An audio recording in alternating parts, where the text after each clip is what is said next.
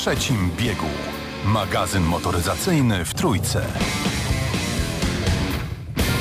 Tomasz Gorazdowski, kłaniam się wszystkim miłośnikom motoryzacji. Dziś o bezpieczeństwie głównie, o elektryfikacji trochę i o tym, jak dają sobie radę mniejsze firmy samochodowe, a nie giganci. Ale od giganta zacznę. 26 sierpnia. Miłośnicy samochodów elektrycznych albo zawężając zakres Volkswagena powinni wziąć wolne. W Polsce zostanie zaprezentowana seryjna wersja modelu ID3. Kto wie, być może jesteśmy, będziemy świadkami przełomowego trzeciego wielkiego rozdziału w historii marki Volkswagen.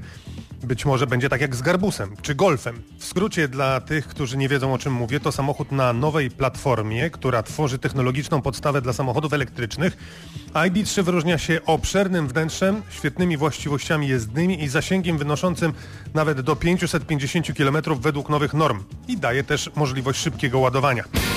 Agencja Reuters poinformowała, że Ministerstwo Przemysłu po raz kolejny rozważa wprowadzenie obowiązku montażu alkomatów w nowych samochodach. Dzięki nim uruchomienie silnika pod wpływem alkoholu byłoby znacznie utrudnione. Teraz dodam, że chodzi o Rosję i utrudnienia dla rosyjskich kierowców. Ale jakby tak w Polsce, jeżeli ktoś nie jeździ po pijanemu, to co przeszkadzałaby mu taka blokada? Co Państwo sądzą? Można do nas pisać na Facebooku, na trzecim biegu. Proszę koniecznie zajrzeć, zobaczyć, polubić i puścić w świat do znajomych. Dzięki znacznie większej świadomości społecznej i rozwojowi technologicznemu w ostatnich 15 latach liczba śmiertelnych ofiar wypadków drogowych w Europie zmniejszyła się aż o 57%, ale ciągle ludzie giną. W 2017 roku to 25 tysięcy. Wprowadzanie przez producentów pojazdów coraz bardziej zaawansowanych technologii i systemów wspomagających kierowcę jest niewątpliwie dobrym kierunkiem działań.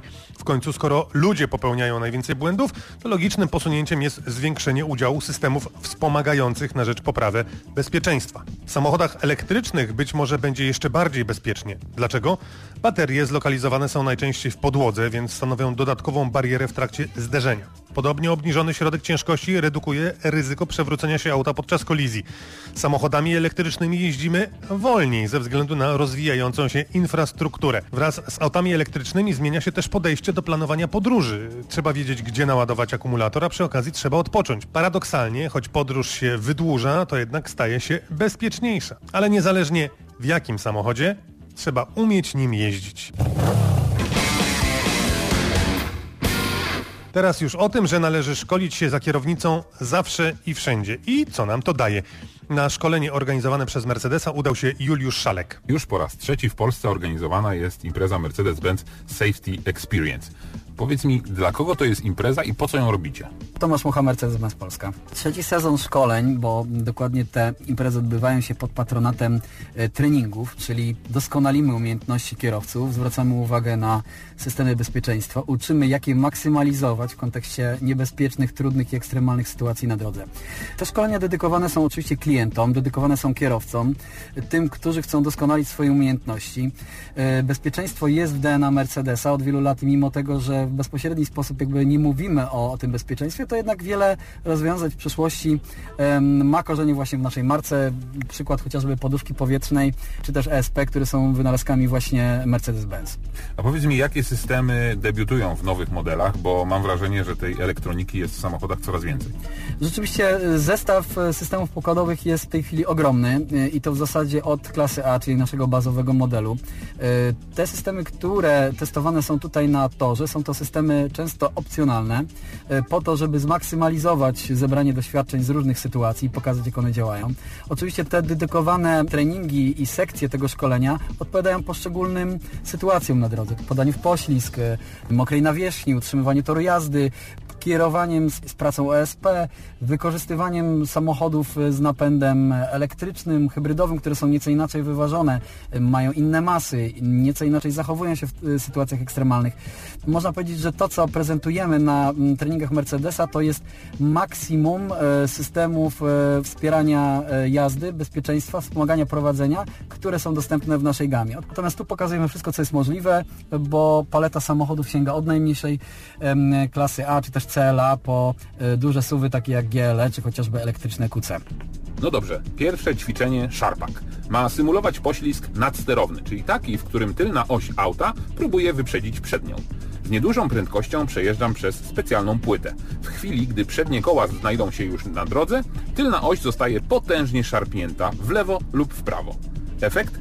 Spin, czyli piruet na środku drogi.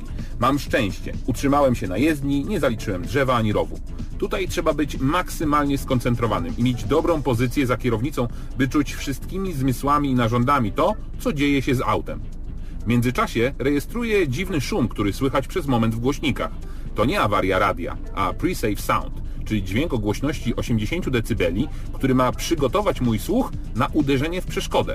Gdybym jechał z otwartą szybą, automatycznie zaczęłaby się ona zamykać, a rozłożony fotel pasażera zacząłby się prostować. Takich ćwiczeń na treningu bezpiecznej jazdy jest więcej. Po co one wszystkie? Pytam Tomka, instruktora i kierowcę rajdowego. No i właśnie to jest takie bardzo trudne pytanie, ale bardzo dobre pytanie, bo e, większość kierowców niestety nie zna praw fizyki. W dobie, kiedy samochody są coraz bardziej technologicznie i e, technicznie nafaszerowane elektroniką, niestety y, powoli się zaczynamy gubić. Wielu ludzi y, nie wie, jak e, działa system ABS, jak działa system ESP.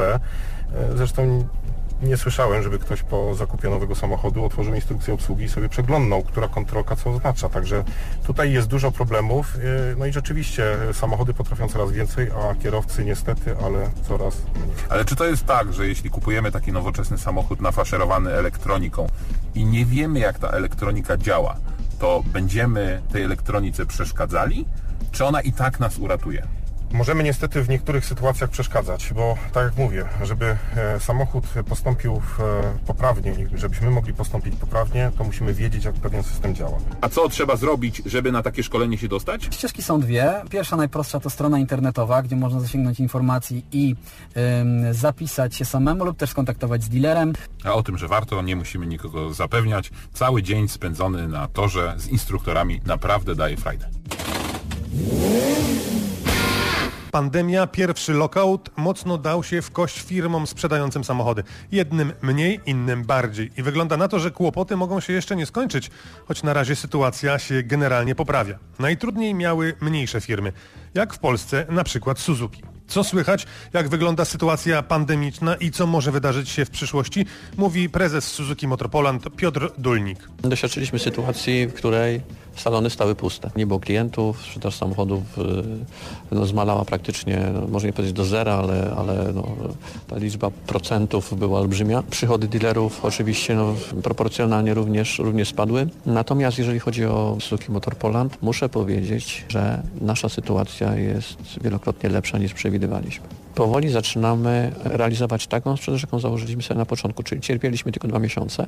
Y, Mamy stabilną gamę pojazdów, ale wprowadzamy rozwiązania hybrydowe do, do Vitary, S-Crossa, Ignisa. Mamy do tego Jimniego i mamy Swifta. Za chwilkę pojawią się facelifty, za chwilkę pojawią się dwa nowe modele. Jedno auto kombi i drugie auto, które będzie dużym suwem. W tym roku to, to jeszcze nastąpi w najbliższych miesiącach. Myślę, że te wszystkie elementy, do tego mocna, stabilna sieć, bardzo transparentne warunki e, współpracy z dealerami. My tak naprawdę nie mamy zbyt wiele do odrabiania. W tym momencie mamy tam stratę y, 1500 aut powiedzmy, no to a trzeba pamiętać, że na- w biznesie flotowym Suzuki nie istniało, ponieważ my byliśmy marką, y, która była skierowana głównie do klientów indywidualnych. Także jeżeli mielibyśmy zrobić prosty ruch i prostą matematykę, to byśmy poszerzyli naszą aktywność o biznes flotowy i bardzo szybko byśmy te liczby odrobili. Y, Czy byłoby to rentowne, nie wiem, ale, ale sztukowo na pewno byśmy osiągnęli to, co, to, co chcemy. Panie prezesie, jak wygląda sytuacja globalna, jeżeli chodzi o Suzuki? Bo wiadomo, że szczególnie te mniejsze e, firmy samochodowe bardziej niż, niż inne są uzależnione od tego, jaki, jaki pomysł i jakie pomysły ma i chce realizować centrala, w waszym przypadku centrala w, w Hałamatsu. Suzuki globalnie, no powiedzmy tak, Europa to jest 10% i jakby tutaj ta sytuacja z wirusem wpłynęła na Polskę też, ale na inne rynki, gdzie Suzuki ma dużo lepsze wyniki sprzedaży, jak Włochy, Włochy czy Francja, wpłynęła też dosyć mocno. Aczkolwiek e, tutaj jak e, patrzyłem na ostatnie wyniki naszych kolegów z Francji czy z Włoch, to o dziwo albo na szczęście w tym momencie e, również zaczynają generować bardzo dobre wolumeny. Suzuki znakomicie ma się e, na przykład w Azji, do której to Azji teraz pandemia dochodzi i takie olbrzymie rynki jak, jak na przykład Indie, no sprzedają zero. Indie to jest 50% udział, udział Suzuki, tam sprzedaż y, przekraczająca półtora miliona pojazdów. No to oczywiście no, będzie miał olbrzymi, olbrzymi wpływ na biznes. Pewno nasza centralna no, już jest przygotowana i musi oczekiwać, że to nastąpi i podjąć pewne działania. No bo w naszym świecie jest tak, że jak ktoś kichnie w Delhi, Kataru może dostać ktoś nad Wisłą. Tomasz Gorazdowski, dziękuję.